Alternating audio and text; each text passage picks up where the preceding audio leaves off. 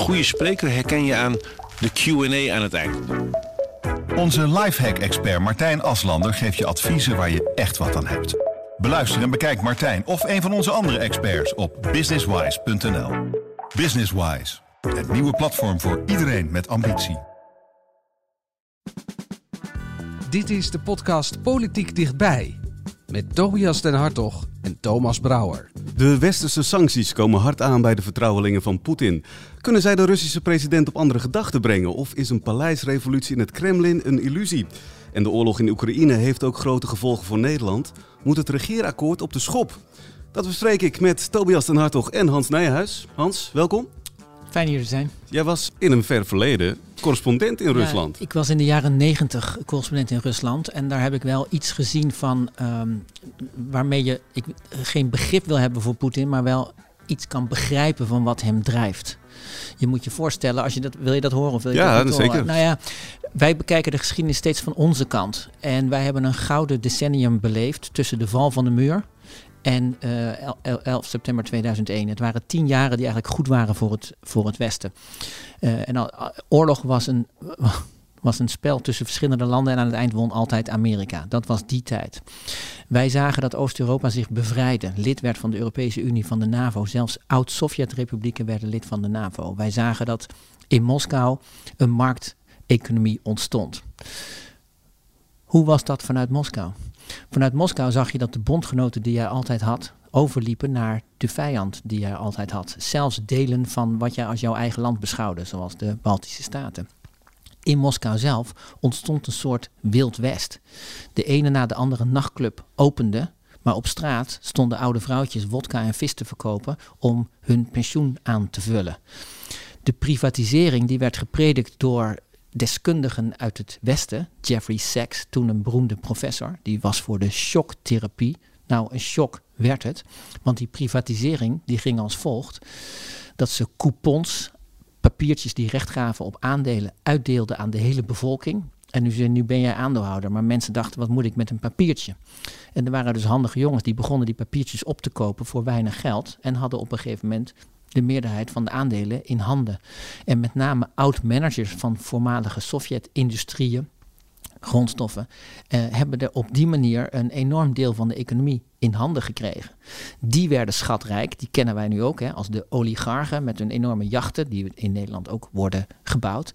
Maar voor een heel groot deel van de bevolking was er eigenlijk niks. En het was dus een groot onrecht. En als je dus zo een machtig rijk bent, wat de Sovjet-Unie uh, was, en je gaat in zo'n korte tijd naar zo'n chaos, dan doet dat enorm pijn. De mooiste Russische meisjes waren voor een habbekrats te krijgen. Ja, en dat doet pijn als jij een man bent. En daar kunnen we dus om lachen, maar dat deden ze daar echt beslist niet. Poetin wil dit allemaal terugdraaien. Die wil terugdraaien die chaos in Moskou. Nou, dat, dat is hem overigens in Moskou wel uh, uh, gelukt. Het is nu een soort schrikbewind.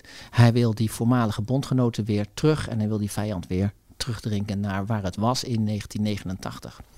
Even Hans, die, die, in die tijd van die bonnetjes, hè, die coupons, zagen jullie dat gebeuren? Ja, dat zag je gebeuren, want mensen boden ook die dingen op straat aan. Eh, en het waren ook hele fonsige, uh, flutsige papiertjes, zo groot als een, een speelkaart van een kwartet. Dus dat maar. is een, een, aandeel Gazprom nu, zeg maar, wat nu het veelvuldige waard ja. is. Ja, nu even niet dan natuurlijk, hè, maar de afgelopen jaren zoveel waard was, dat, dat ging daar... Dat, dat was een verfrommeld papiertje wat van hand tot hand ging voor een fles wodka of 200 roebel, ja, ja. omgerekend 2 euro. Totdat meneer Abramovic langskwam of, of die andere Rosneft jongens. En die die zetten van... allemaal mensen in om dat te doen. Ja, ja. En de, kijk, vaak de oud-managers beseften natuurlijk wat die fabrieken waard waren. Ja. En als jij baas bent van de gaswinning of zo. Um, ja, het is... Uh, dat is buitengewoon oneerlijk gegaan. Ja, dat is ook het verhaal waar Poetin nu zelf natuurlijk mee zit. Waarom die dan Oekraïne ook binnenvalt. Is dat verhaal heel duidelijk nu ook bij ons? Want eigenlijk zien wij dit nu vooral als een daad van agressie en een man die in een soort romantisch Russisch verleden leeft, toch?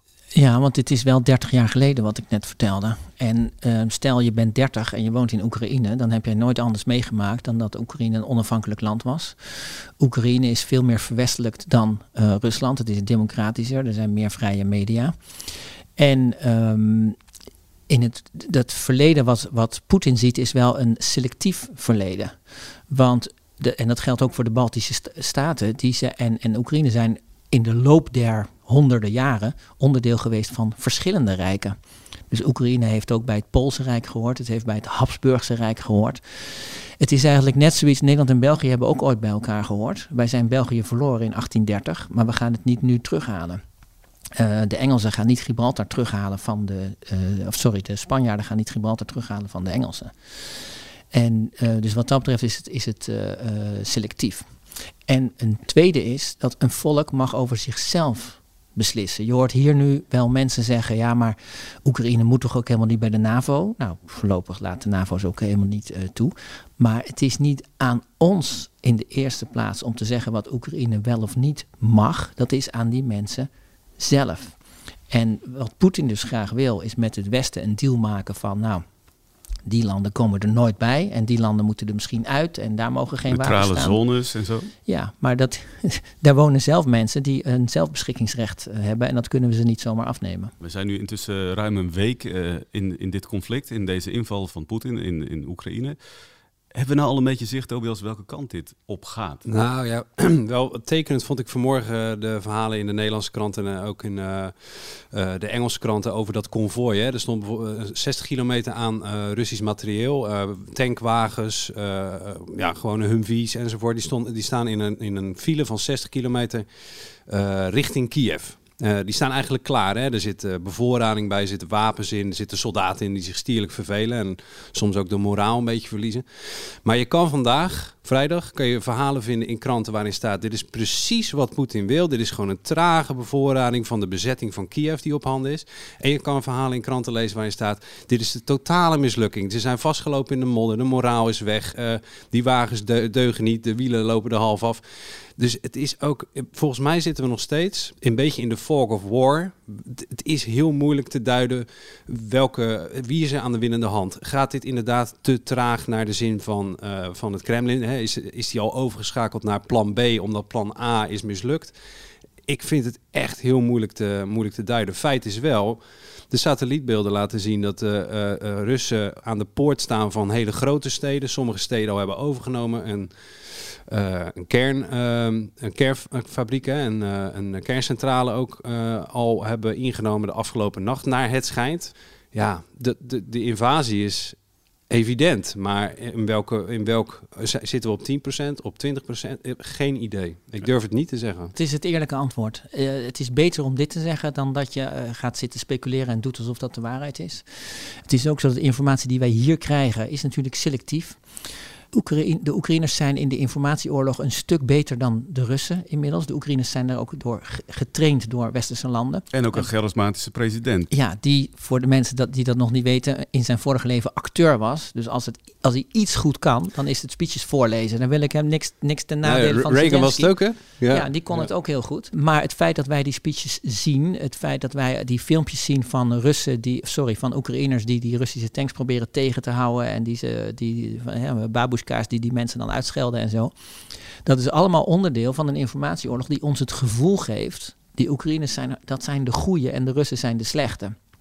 Maar in hoeverre de situatie op de grond ook zo is dat de Oekraïners nog een, een kans hebben, dat weten we gewoon eerlijk gezegd uh, niet. Intussen zie je wel dat de westerse leiders zich allemaal verzamelen rondom uh, de, de vlag, zeg maar. Die, die scharen zich achter Oekraïne. Laten we even luisteren. People of Ukraine, in these dark hours of Ukraine's history, I speak to you as Prime Minister of the Netherlands to tell you that our hearts are with you. And to say that we, your friends in the Netherlands, support you. We are family. We, the United States of America, stand with the Ukrainian people. We will keep supporting you by providing weapons, medicine, and food, and by implementing strong sanctions against President Putin and against Russia's aggression. Putin will fail, and I believe that Putin must fail. Free democratic countries all over the world are united in condemning this attack. We stand with you. Slava Oekraïne. Ja, de bekende retoriek. Dat zijn natuurlijk allemaal mooie woorden voor Zelensky, maar hij zal toch wel op wat meer hopen. Ja, wacht even, retoriek. Dit weten we wel zeker. Het was een historische week in het Westen. Als je even opsomt. Voor het eerst in de geschiedenis gaat de Europese Unie wapenleveranties financieren aan Oekraïne. Terwijl de Europese Unie was altijd van soft power. Zweden sinds 1939 neutraal gaat wapens leveren. Zwitserland sinds 1815 neutraal heft het bank, uh, gaat de banktegoeden van de Russen uh, bevriezen sorry, en mee met de, de Russische sancties. De NAVO, tot voor kort hersendood verklaard door de Franse president Macron, is volop in actie. En het, de vuurpijl is uh, Duitsland, dat altijd een economische gro grootmacht is geweest uh, de afgelopen decennia, maar militair klein vanwege hun verleden, die niet wilde deelnemen aan vredesoperaties, die geen wapens wilde leveren, uh, die een klein leger had, gaat 100 miljard euro dit jaar nog investeren in zijn leger. Dat is bijna twee keer zoveel als de Russische jaarbegroting voor defensie. Ze gaan zich onafhankelijker maken van het Russische gas. Er, er is ongelooflijk veel gebeurd uh, uh, deze week. In een week tijd. Ja. Dus dat is wel. Dus het is niet alleen retoriek. Natuurlijk zal Zelensky wil meer. Die wil het liefst dat we meekomen vechten. Hè? Dat we bijvoorbeeld een no-fly zone afkondigen. Mijn eigen dochter vroeg, maar waarom doen we dat dan niet? Omdat als je hem dat is boven Joegoslavië gebeurd in de jaren 90. Op het moment dat je een no-fly zone afkondigt, moet je hem ook handhaven. Dus als daar dan een Russisch gevechtstoestel vliegt, dan moet je dat toestel eerst vragen om weg te gaan en hem daarna uit de lucht schieten als hij dat niet doet. En dan raken we betrokken. En dat is een brug te ver. Is dat ook uit angst dan voor een echt conflict met Rusland waarin het gewoon een, een, een derde wereldoorlog zou worden? Nou ja, je hebt, je hebt dat artikel van de NAVO, hè, een aanval op één is een aanval op alle. De, daar zit, uh, overigens als je dat artikel leest, is nog heel veel grijs gebied. Hè? Dus je kunt je afvragen van wanneer zijn we dan daadwerkelijk als NAVO gebonden aan het te hulp schieten van een partner. Uh, uh, een goed voorbeeld is bijvoorbeeld, er zijn elektriciteitscentrales in het oosten of in het westen van Oekraïne zijn verbonden met elektriciteitscentrales in, Polen. Op het moment dat je die uh, centrales in het westen van Oekraïne raakt, kunnen die in Polen ontwricht raken. Nou, een land zonder stroom is een land ontwricht. Is dat een aanval? op een NAVO-partner? Moet je dan betrokken raken? Is een cyberaanval op een NAVO-partner uh, zover dat je betrokken moet raken? Dat is, daar zit nog heel veel grijs gebied, maar de kern van je vraag is natuurlijk, raken we er dan bij betrokken? Dat kan en dat willen we, denk ik, dat willen de NAVO-landen dus tot in extremis zien te voorkomen. Maar Poetin ook, neem ik aan. Nou, het, ik weet het niet. Hans? Je, we kunnen er niet van uitgaan dat Poetin een rationeel denkend mens is zoals wij. Hij denkt wel rationeel, maar op een eigen uh, manier. En hij doet tot nu toe telkens dingen waarvan wij dachten dat hij ze niet zou gaan uh, doen. Je moet je ook voorstellen, hier is een man die uh, tegen het eind van zijn uh, actieve levensdagen loopt. En dat geldt ook voor de mannen om hem heen. En als zij nog hun droom willen waarmaken, het herstel van het Russische Rijk, dan moeten ze dat nu uh, doen. Overigens, voor mensen die willen weten hoe kan het nou aflopen, maar die, die moe zijn van al die krantenstukken. Er is zeer recent een boek verschenen van Ken Follett. Dat is een man die zeer toegankelijke boeken schrijft, maar die zich enorm inleest uh, in de geschiedenis voordat hij iets opschrijft. En het gaat over een conflict tussen Amerika en China. En zowel de president van Amerika als de president van China willen geen oorlog. Maar zo eindigt het wel. En dan kun je dus goed zien um, hoe dat heel langzaam escaleert. Het boek heet Nooit. En je hoopt ook maar dat dat zo blijft. Maar het kan dus, het kan dus net zo goed wel. En daarom is het Westen zo extreem voorzichtig met het, met het actief ingrijpen zelf uh, in deze oorlog. Ja, tegelijk die, die beweging, hè, de Duitsland die, uh, die de schroom van het verleden eigenlijk van zich afgooit. Uh, Biden die uh, paraatheid predikt in een land wat toch al een heel groot militair industrieel complex kent. Hè. Overal ter wereld zijn we zeg maar hamers aan het creëren. En ja, voor een hamer is alles een spijker. Dus op een gegeven moment kom je in die escalatieladder natuurlijk hoger en hoger. En heb je dus uiteindelijk ook paraat uh, militair spul tot je beschikking. Ja, de vraag is, kom je dan nog uit die fuik? Dat, dat, dat, nou ja, ik denk dat dat, dat beangstigt mij en ik denk heel veel lezers. Uh, zeker omdat dit grootmachten zijn die hun uh, vinger op een hele gevaarlijke nucleaire knop hebben. Nou ja, Poetin liet dat woord deze week, begin deze week ook nog vallen. Hè? De nucleaire wapens die uh, ja, paraat hij, worden gesteld. Hij zei, ja. ja. hij zei dus, hij vroeg aan zijn generaals om ze in staat van paraatheid te brengen. Ze zijn eigenlijk altijd in staat van paraatheid, maar het is dan één schaaltje hoger. Maar hij zei tegen ons, um, ik weet niet meer de letterlijke woorden, maar landen die in de weg zullen staan van de invasie in Oekraïne uh, zullen te maken krijgen met de ernstigst mogelijke uh, vergelding die je in je geschiedenis nog nooit hebt meegemaakt. En, en dat het enige wat we nog niet hebben meegemaakt is uh, kernraketten op ons hoofd. Ja, ja uiterst gevaarlijk. westerse leiders willen dit sowieso voorkomen. Tegelijkertijd zie je wel dat er op, op die westerse leiding ook druk is vanuit de bevolking, vanuit journalisten ook, van doe eens wat meer, uh, laat je zien. Ja, ook dit vind ik zelf eerlijk gezegd historisch, want Oekraïne, wist jij drie weken geleden wie de president van Oekraïne was? Wist jij überhaupt waar Kharkov of Lviv uh, ligt. En dit, die, die filmpjes op social media hebben dus enorm veel gedaan. Die speeches van Zelensky zijn inderdaad heel erg goed. Want wij dus gaan mensen de straat op. De, mensen zeggen, stellen hun huis open voor vluchtelingen. De mensen geven, willen hulp geven. Um, voor een land waar we in, wanneer was het Oekraïne-referendum ook alweer, Tobias? Ja, 2016. In 2016 nog stemden dat we niet een associatieverdrag met ze, met ze wilden. Maar is dat sentiment, is dat dan vooral door een, een groot land dat een kleiner land binnenvalt en een, een, een Zelensky die dus inderdaad handig weet hoe die zich moet presenteren? Ja, dat heeft die elementen die Hans net noemde inderdaad. De, de, de, de David tegen Goliath, uh, een, een, een, een, land wat, waarvan we het niet wisten, maar nu wel horen hè, dat, dat het naar het westen is gekeerd, dat het een democratie probeert te zijn. Hè, met vallen opstaan, want er is, de corruptie is daar ook een, e-, echt een levensgroot probleem. Uh, maar die sentimenten die helpen natuurlijk wel. Ik denk alleen wel, Hans, jij, jij hebt er heel lang in die in die uh, landen uh, ben je, heb je gereisd en geschreven en gewerkt. Ik was zelf een keertje in Letland, uh, niet lang hoor, een week, maar daar verbaasde ik me over. De, helft daarvan sprak niet eens Lets, die, die spraken alleen maar Russisch. Dus het zijn ook landen die we, die we niet echt kunnen begrijpen, maar wel proberen te begrijpen. En we zien mensen in nood. Het doet, denk ik, heel veel mensen ook denken aan de Joegoslavië-oorlog. Dat, dat sentiment spreekt natuurlijk aan. En ja, Poetin als agressor, dat, dat nou ja, uh, beeld, dat, daar zijn we natuurlijk al 15 jaar, 20 jaar mee gevoed. En uh, dat, dat draagt er wel aan bij, denk ik. Ik vind het overigens hartverwarmend hoor, hoe mensen reageren. En dat ze het zich aantrekken. En dat we niet zeggen, nou ja, het is ver weg. Uh, wat, wat, het is geen NAVO, het is geen EU. Wat kan ja. ons het schelen? Ja. Nee, ik vind het, het, het is ik vind het mooi. Om het politiek te maken, je ziet het ook in de, bij de rechtse partijen. Hè. De, de, is, er is absoluut zorg. Hè. We hebben Baudet gehoord, we hebben Wilders gehoord, we hebben Van Haga gehoord. Uh, allemaal uh, wat milder voor Poetin en wat meer voor een neutrale rol van Nederland. Maar wat je ook heel veel ziet in, uh, bij de rechtse partijen is, ja, we hebben al de mond vol over we vangen vluchtelingen op in de regio. Nou, Europa is nu de regio.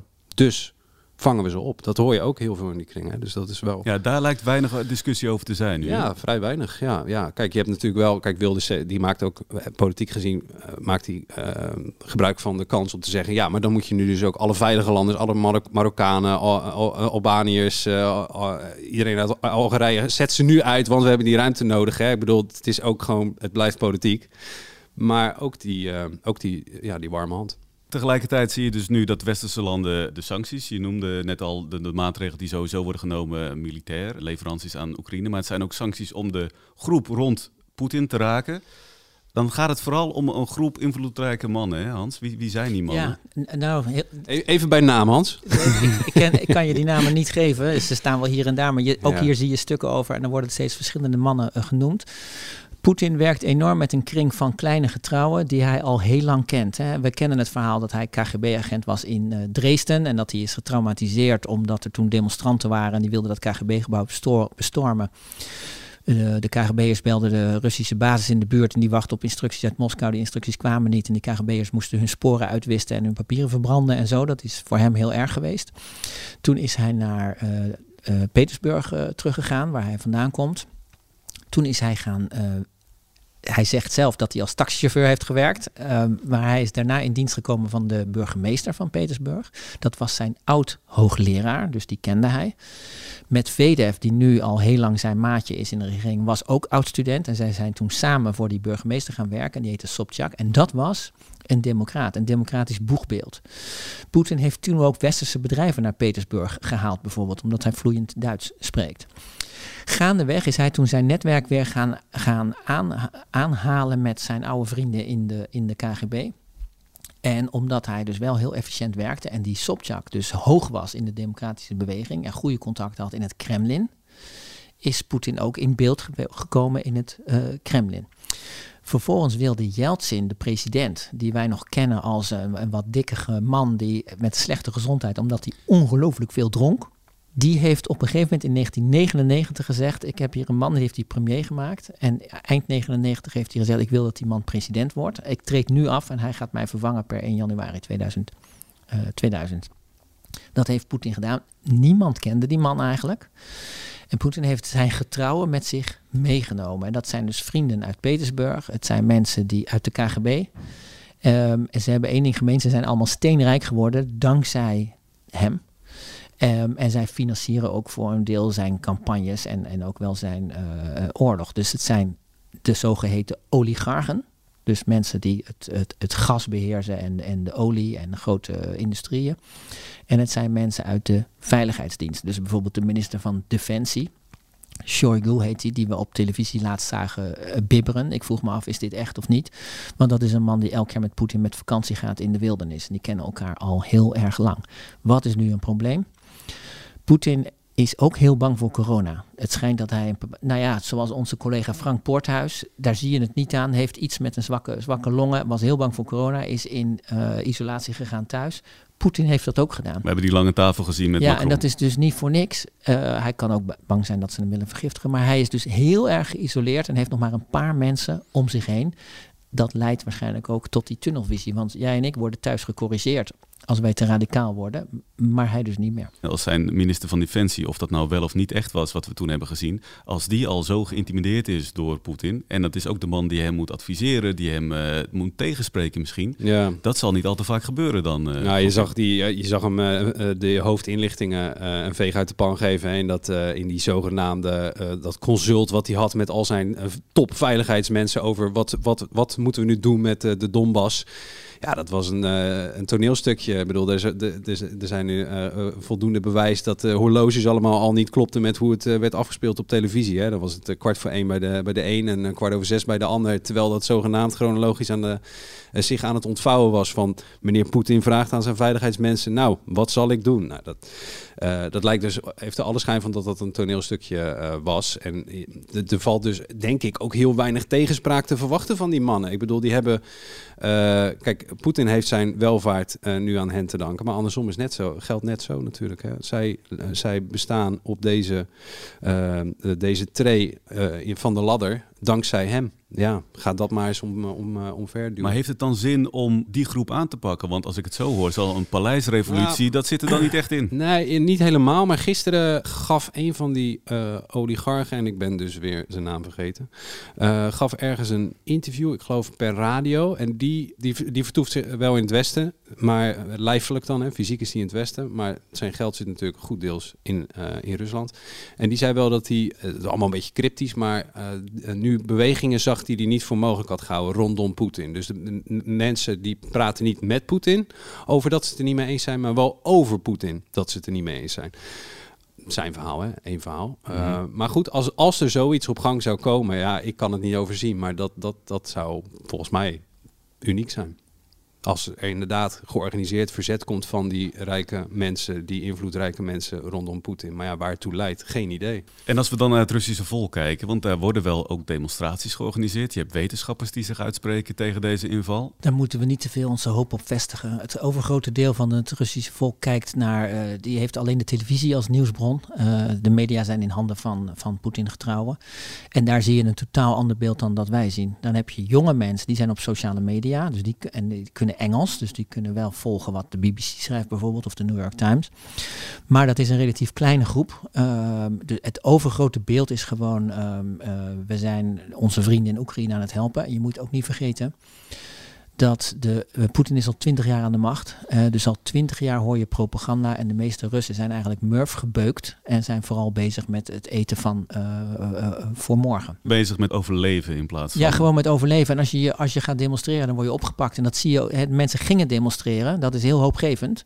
En ze werden ook weer meteen opgepakt. En nu zie je alweer minder demonstraties. Het is knap moeilijk om in Rusland de straat op te gaan. Ja, ik vraag me ook wel af, Hans, maar het is moeilijk om de geest van een. Want ik zie zelfs de correspondent, hè, was even een stukje media doen, maar ik zie zelfs de correspondent van de NOS, die, die, die dan, dan wordt de vraag in de studio van, goh, heb je Russen gesproken vandaag op straat?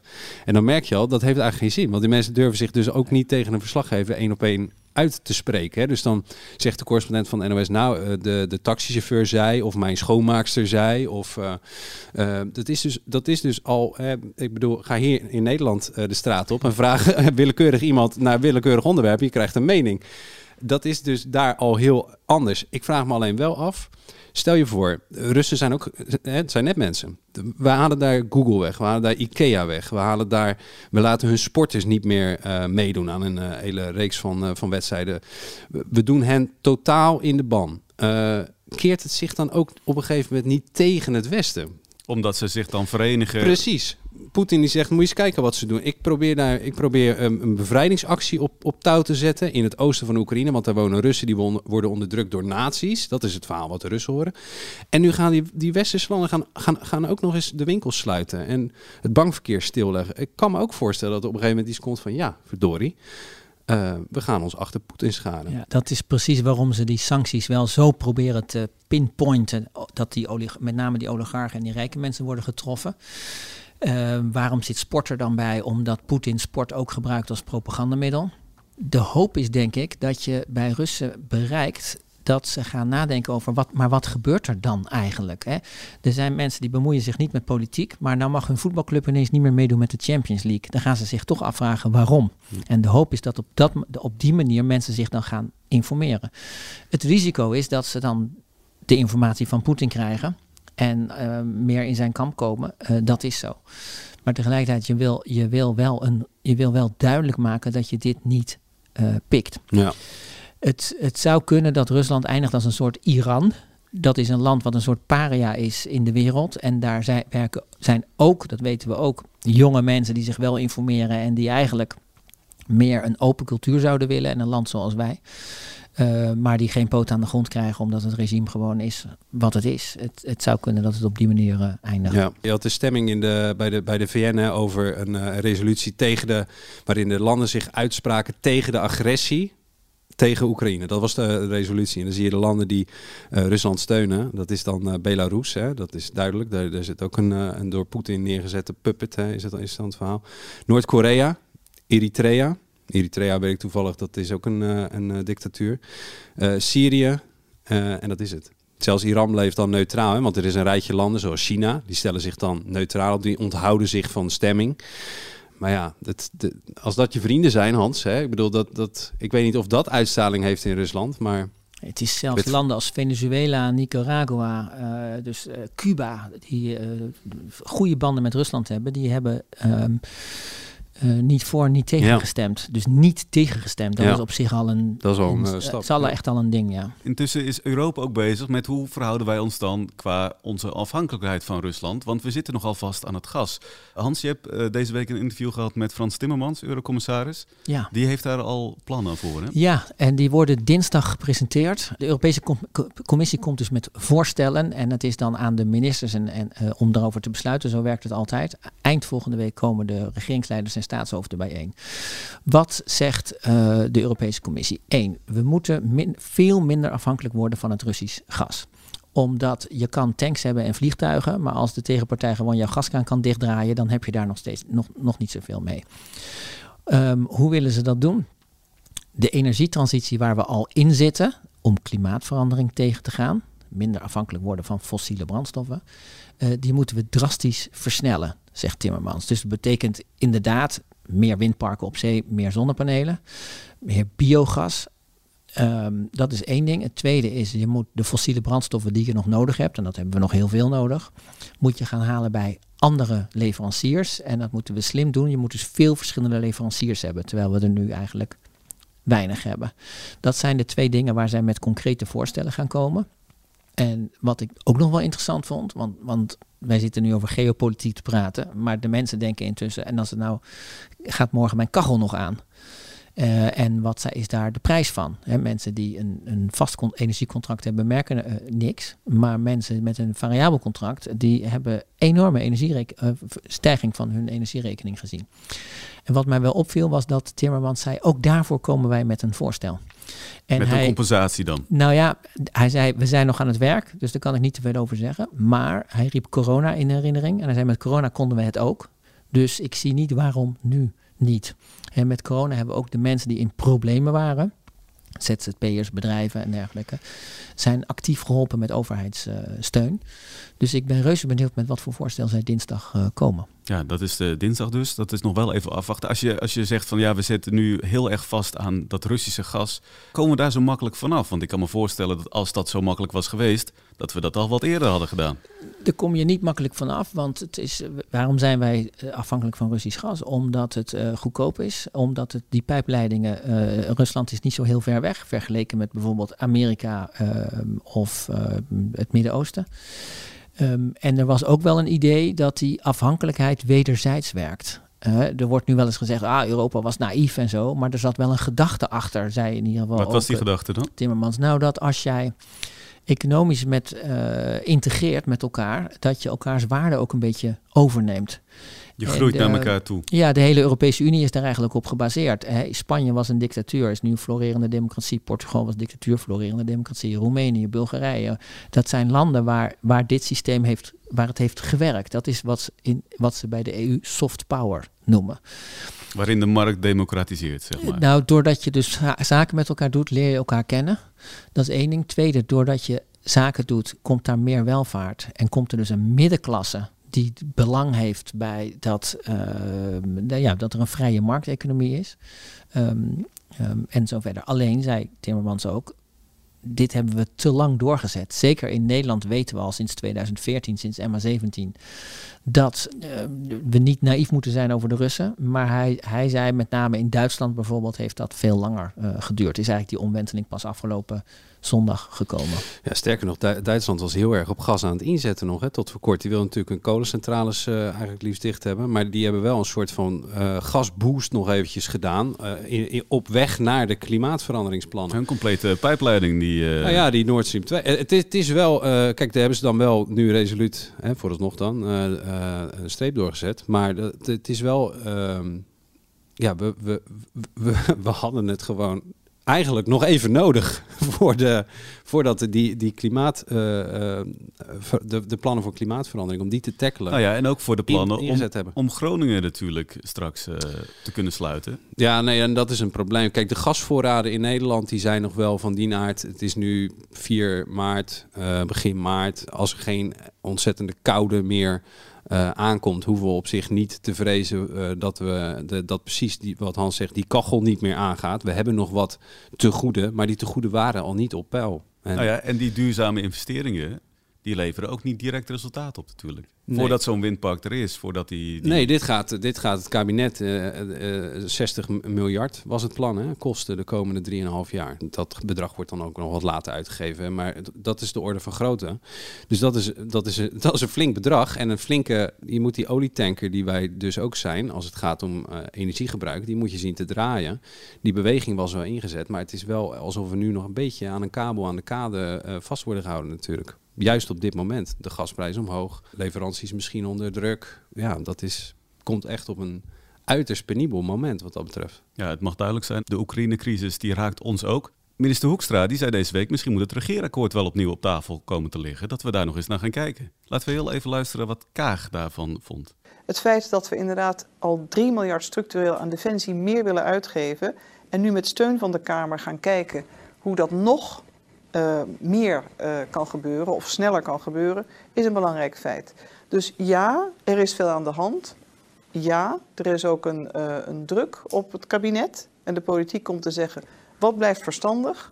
Maar ook rustige besluitvorming om te kijken dat we doen wat we beloofd hebben. Hans is intussen weer uh, hard door uh, met een volgend artikel. En de oorlog wacht op niemand. Ja. Nee, precies. Maar Tobias, hoe groot is de kans dat dat regeerakkoord daadwerkelijk toch weer op tafel komt te liggen? Nou, even voor de, voor, uh, gewoon zeg maar de luisteraar. De, het, kijk, het lijkt er zijn twee werkelijkheden en eigenlijk zijn ze allebei een beetje waar.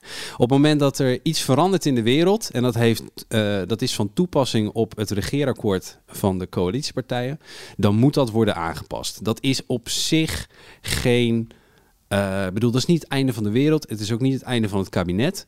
Maar het ligt politiek altijd zo verschrikkelijk gevoelig. Hè? Je hebt het gezien, even een makkelijk voorbeeld. In de vorige kabinetsperiode waren er afspraken gemaakt over de opvang van uh, vluchtelingen. En er waren afspraken gemaakt over wie vallen er onder het kinderpardon. Dat is toen onder actualiteit en onder druk is dat aangepast. Nou, op het moment dat dat wordt aangepast, dan is op zich, de, het kabinet blijft gewoon in het zadel en dat gaat gewoon door. En uh, als ze tot een afspraak kunnen komen, is er niks aan de hand.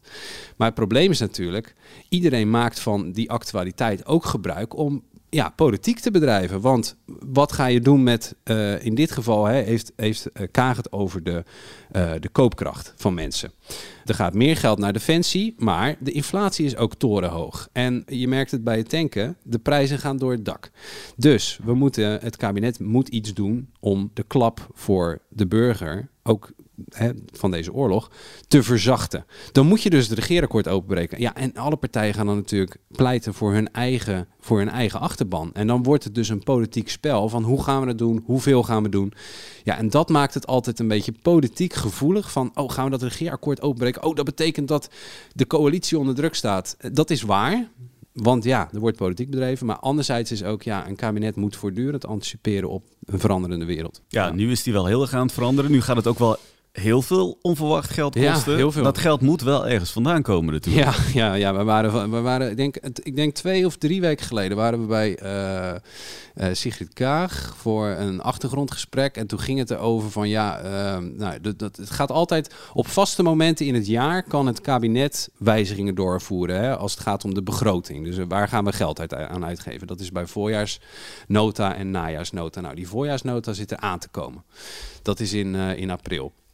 Uh, en daar worden de komende, de komende weken, uh, de, de, aankomende week komt daar bijvoorbeeld uh, de, een, een soort foto van het Centraal Planbureau van hoe staat de economie ervoor, hoe staat de portemonnee van de burger ervoor. Daar, maken ze een rapportje over. En dat is de basis van, oké, hier hebben we het over, wat moeten we doen? Drie weken geleden zag de wereld er al niet zo gunstig uit, want we hadden problemen met box 3 dat kost een hoop geld. Er, zijn, uh, er is gevraagd door de Kamer om uh, studenten meer tegemoet te komen. Hè? De, de verloren generatie van de, van de studiefinanciering, zullen we maar zeggen. De AOW wilde uh, een aantal partijen toch omhoog, terwijl het kabinet dat niet wilde. Dus er lag al een enorm prijskaartje. Nou, daarbovenop kwam de inflatie. En nu komt de oorlog die die inflatie nog verder aanwakkert je moet je voorstellen, je bent Sigrid Kaag, minister van Financiën. Je ziet alleen maar rekeningen binnenkomen door die deur. Elke keer trekt de ambtenaar een deur open en die pleurt weer een paar bonnetjes op bureau. Van nou, hier hebben we ook geld voor nodig. Dat is een, een lastige positie, want waar gaan we het dan van betalen? Nou, er zijn er een paar smaken. Eén smaak is, we laten de staatsschuld oplopen. Dat kan. Maar dit kabinet is al een investeringskabinet, geeft al heel veel geld uit. Die schuld gaat al tot op de rand ja, wil je over dat randje heen? Dat is, dat, is, dat is te verdedigen, maar dat is wel een keuze die niet zonder gevolg is. Want ook die schuld moet een keer terugbetaald worden. Anderzijds kun je zeggen, nou, we gaan de investeringen terugschroeven. We gaan minder geld uitgeven dan we wilden voor onderwijs. Minder geld uitgeven voor klimaatbeleid. Minder uh, dan we wilden aan stikstof. Ja, die keuzes, dat ligt nu uh, uh, op, het, uh, op het bureau van, van het voltallige kabinet. Hè, want er gaan uiteindelijk alle partijen over, alle ministers over. en zij hopen binnen nu en de komende maand tot een besluit te komen. Maar ja, de druk is enorm natuurlijk. Ja, we gaan richting het einde van deze podcast. Maar niet voordat we dit onderdeel hebben behandeld. Ik veracht uw woorden. Schaamt u zich eigenlijk niet? De bestuurscultuur, de nieuwe bestuurscultuur. Factionem cartellum. Doe eens normaal, man. Lekker zelf normaal. De woorden zijn teruggenomen. Dat ik een bewuste uitspraak heb gedaan die ik heb gedaan. Ja, de opvallendste uitspraak van deze week. Uh, deze week ook weer geselecteerd door jurylid, voorzitter en notulist Tobias den Hartog. Tobias, wat is je deze week opgevallen? Het is allemaal eerlijk gegaan hoor, die selectie. Dat wil ik gelijk gezegd, hebben. Maar uh, ja, wat is me opgevallen? Kijk, er was een debat in de Tweede Kamer. En enige, het enige debat, want het is reces. Er waren ook gewoon Kamerleden met vakantie. Maar er was een debat over Oekraïne. En um, ja, eigenlijk zag je dat de, de, de meeste partijen uh, waren uh, duidelijk in het veroordelen of het verwerpen van de actie van Poetin. De enige die dat niet wilde doen, was Thierry Baudet van Forum voor Democratie. Uh, ook de PVV heeft wel wat reserves, maar goed, die uh, zijn er toch in het veroordelen van Poetin wel iets duidelijker in. Uh, Baudet heeft er een andere, hele andere kijk op. laat, ik wil even dat hele politieke verhaal van dat komt voort uit zijn weerstand tegen het associatieverdrag. Het feit dat die Oekraïne niet per se bij het Westen wil betrekken. Hè, en, en daarom vindt dat het een bufferland zou moeten zijn tussen het Westen en Rusland. Nou, dat is zijn politieke standpunt. Maar daar komt uit voort dat hij nou dus ook niet wil zeggen... Uh, Poetin is de enige bad guy in dit verhaal. Nou ja, goed, daar vindt de Kamer dus van alles van. En diametraal anders dan wat hij ervan vindt. Maar dat schiep bij de partijen een gevoel van... ja, wat heb jij met Rusland? Waarom steun, steun jij Rusland? En dat vindt zijn oorsprong eigenlijk al in het feit dat er een aantal jaar geleden werd gezegd dat Poetin heeft, uh, of uh, Baudet heeft een iemand die duidelijk een Poetin aanhanger is, heeft hij, um, heeft hij een tijdje mee samengewerkt rond dat, dat Oekraïne-referendum, dat associatieverdrag. Daar zou Baudet ook betaald voor hebben gekregen door die Rus. Uh, er is ook een adviseur binnen de partij, John Lockland. Uh, die is adviseur van Forum, maar dat is een duidelijke uh, Poetin-aanhanger. Nou, zo zijn er wat van die lijntjes, zeg maar, tussen Rusland en Baudet. In welke mate en hoe ernstig enzovoort. Nou ja, laten we dat even niet behandelen, maar die zijn er. En dus wilden de partijen, ja, die hinten er eigenlijk op van... joh, sta jij niet gewoon op de loonlijst van Poetin? En GroenLinks kwam met een motie om dat eens eventjes uit te zoeken. Van, nou, laten we eens kijken in de boeken. Krijg jij geld van Rusland? En Baudet die reageerde daarop. We stemmen uh, over een motie over openbaar maken van partijfinanciering. Omdat allerlei complottheorieën circuleren, verdachtmakingen, Russisch geld. Uiteraard zullen wij voor die motie stemmen. We hebben werkelijk niets te verbergen. En ik wil nog zeggen, ik had natuurlijk geen tijd meer om nog mijn volgende motie in te dienen. Maar die had ik nog wel gemaakt. Dus ik vind dat dan ook, kijk, het heel specifiek Russisch geld. Maar ik vind dat we onderzoek moeten doen naar al het geld. Ja, ook Chinees geld, uh, ook Israëlisch geld, Amerikaans geld. Ik, ik, dan wil ik ook alles weten. Ja, dan wil hij ook alles weten. En, en uh, dus ook van andere partijen. Want zegt Baudet bijvoorbeeld, hoe zit het met de lijntjes tussen Milieu, Defensie en GroenLinks? Hoe zit het met het feit dat de postcode loterij, dat die uh, geld overmaakt naar Urgenda, die vervolgens dat geld gebruiken om rechtszaken te beginnen tegen het uh, beleid, het klimaatbeleid van deze regering. Laten we al die geldstromen eens in kaart brengen. Nou, er zijn hier denk ik een paar dingen waar. Eén is, uh, de, alles zou transparant moeten zijn. Twee is, je kan van alles vinden van welke partijen wie betalen en welke invloed je daarmee koopt. Hè. Even praktisch gezien, nu is dus de Algemene Rekenkamer, wordt eigenlijk opgeroepen om onderzoek te doen naar wie betaalt nou uh, geld aan welke partij. Hè? Dan heb je het over donateurs. Nou, elk jaar uh, presenteert het ministerie van Binnenlandse Zaken een lijst met donateurs. Uh, daar staat gewoon met naam en toenaam Jan Klaassen uit Driel heeft zoveel geld overgemaakt naar uh, D66. Dus dat is in principe openbaar? Dat is in principe openbaar, maar er zijn sluiproutes en dat maakt het zo uh, verschrikkelijk ingewikkeld. Bijvoorbeeld de VVD. als jij een bedrag doneert hoger dan 4.500 euro, dan moet jouw naam openbaar worden gemaakt. Maar wat als je er 3.500 euro van maakt? Hè? Dan, dan hoor je niet bij de grotere donateurs enzovoort. En de, dan kom je dus niet voor ons, voor de pers, voor, de, voor, de, voor het publiek, kom je dus niet met naam en toenaam in een, in een register. Plus, de VVD gebruikt bijvoorbeeld stichtingen. Dan geef je het geld niet direct aan de VVD, maar je geeft geld aan een stichting die het geld weer overmaakt aan de VVD. Weg zijn dan al die namen. Ik denk dat je dat nooit helemaal transparant kan krijgen gezien de huidige uh, regels en de sluiproutes die er zijn via die stichtingen. Dus of dit onderzoek echt zin heeft, ik vraag het me af. Het is ook gewoon GroenLinks die de verdachtmaking van hè, Baudet wordt betaald door de Russen en is dus een marionet van Poetin. Die verdachtmaking willen ze natuurlijk ook gewoon voor het voetlicht uh, brengen. En nou ja, wij hebben het erover, dus dat is gelukt. En Baudet kan zeggen, ja, luister eens vrienden, kijk dan ook even naar je eigen huisuitboekje, want dat, dat rammelt ook aan alle kanten. Ik, ik vrees dat hier veel waarheden zijn aan beide kanten. Maar de Algemene Rekenkamer gaat dit dus nu uitzoeken? Nou ja, het is, het is per motie gevraagd, dus het kabinet gaat dan de, de Rekenkamer vragen, kan dat? En, de, en ja, het zou mij niet verbazen de Rekenkamer zeggen, ja, wij zien niet hoe, want de wet reikt helemaal niet. Hè. De, er is gewoon een wet voor financiering politieke partijen. Dus overigens, die is ook nog steeds in beweging. Want partijen vinden heel, dat er heel verschillend, denken er heel verschillend over, over hoe je daarmee moet omgaan. Welke bedragen je überhaupt mag geven of mag aannemen. En, en, en hoe transparant transparant dat dan eh, ook moet zijn. Dus die wet wordt volgens mij komende week ook nog een keertje besproken in de Tweede Kamer. Dus, maar die wet reikt niet zo heel erg ver dat je kan zeggen, nou tot, tot alle decimalen achter de komma weten we voor altijd en voor eens wat de geldstromen zijn. Ja, Dus zo de kans is groot dat we hier eigenlijk nooit meer iets van gaan horen. ik, ik, ik durf daar wel een eh, flesje op te zetten. Ja, dat dit gewoon een stille dood gaat sterven. Kijk, die hebben we genoteerd. Dat doe ik bijna nooit, hè? Nee, nee, we, gaan, we gaan het zien. Eh, ik, ik noteer hem alvast. Heel goed. Staat op de lijst. Tot zover deze aflevering van Politiek erbij. Vind je dit nou een leuke podcast? Abonneer je dan vooral via Apple Podcast of Spotify. En volgende week, dan zijn we er weer. Tot dan!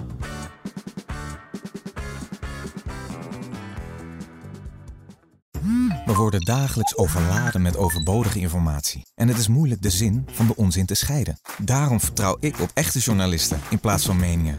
Een krantenmens heeft het gemakkelijk. Word ook een krantenmens en lees je favoriete krant nu tot al zes weken gratis. Ga snel naar krant.nl. Bezorging stopt automatisch en op deze actie zijn actievoorwaarden van toepassing. Mensen luisteren niet naar wat je zegt, maar kopiëren wat je doet. Onze vitaliteitsexpert Martin Hersman helpt je te focussen op wat echt belangrijk is. Beluister en bekijk Martin of een van onze andere experts op businesswise.nl. Businesswise, het nieuwe platform voor iedereen met ambitie.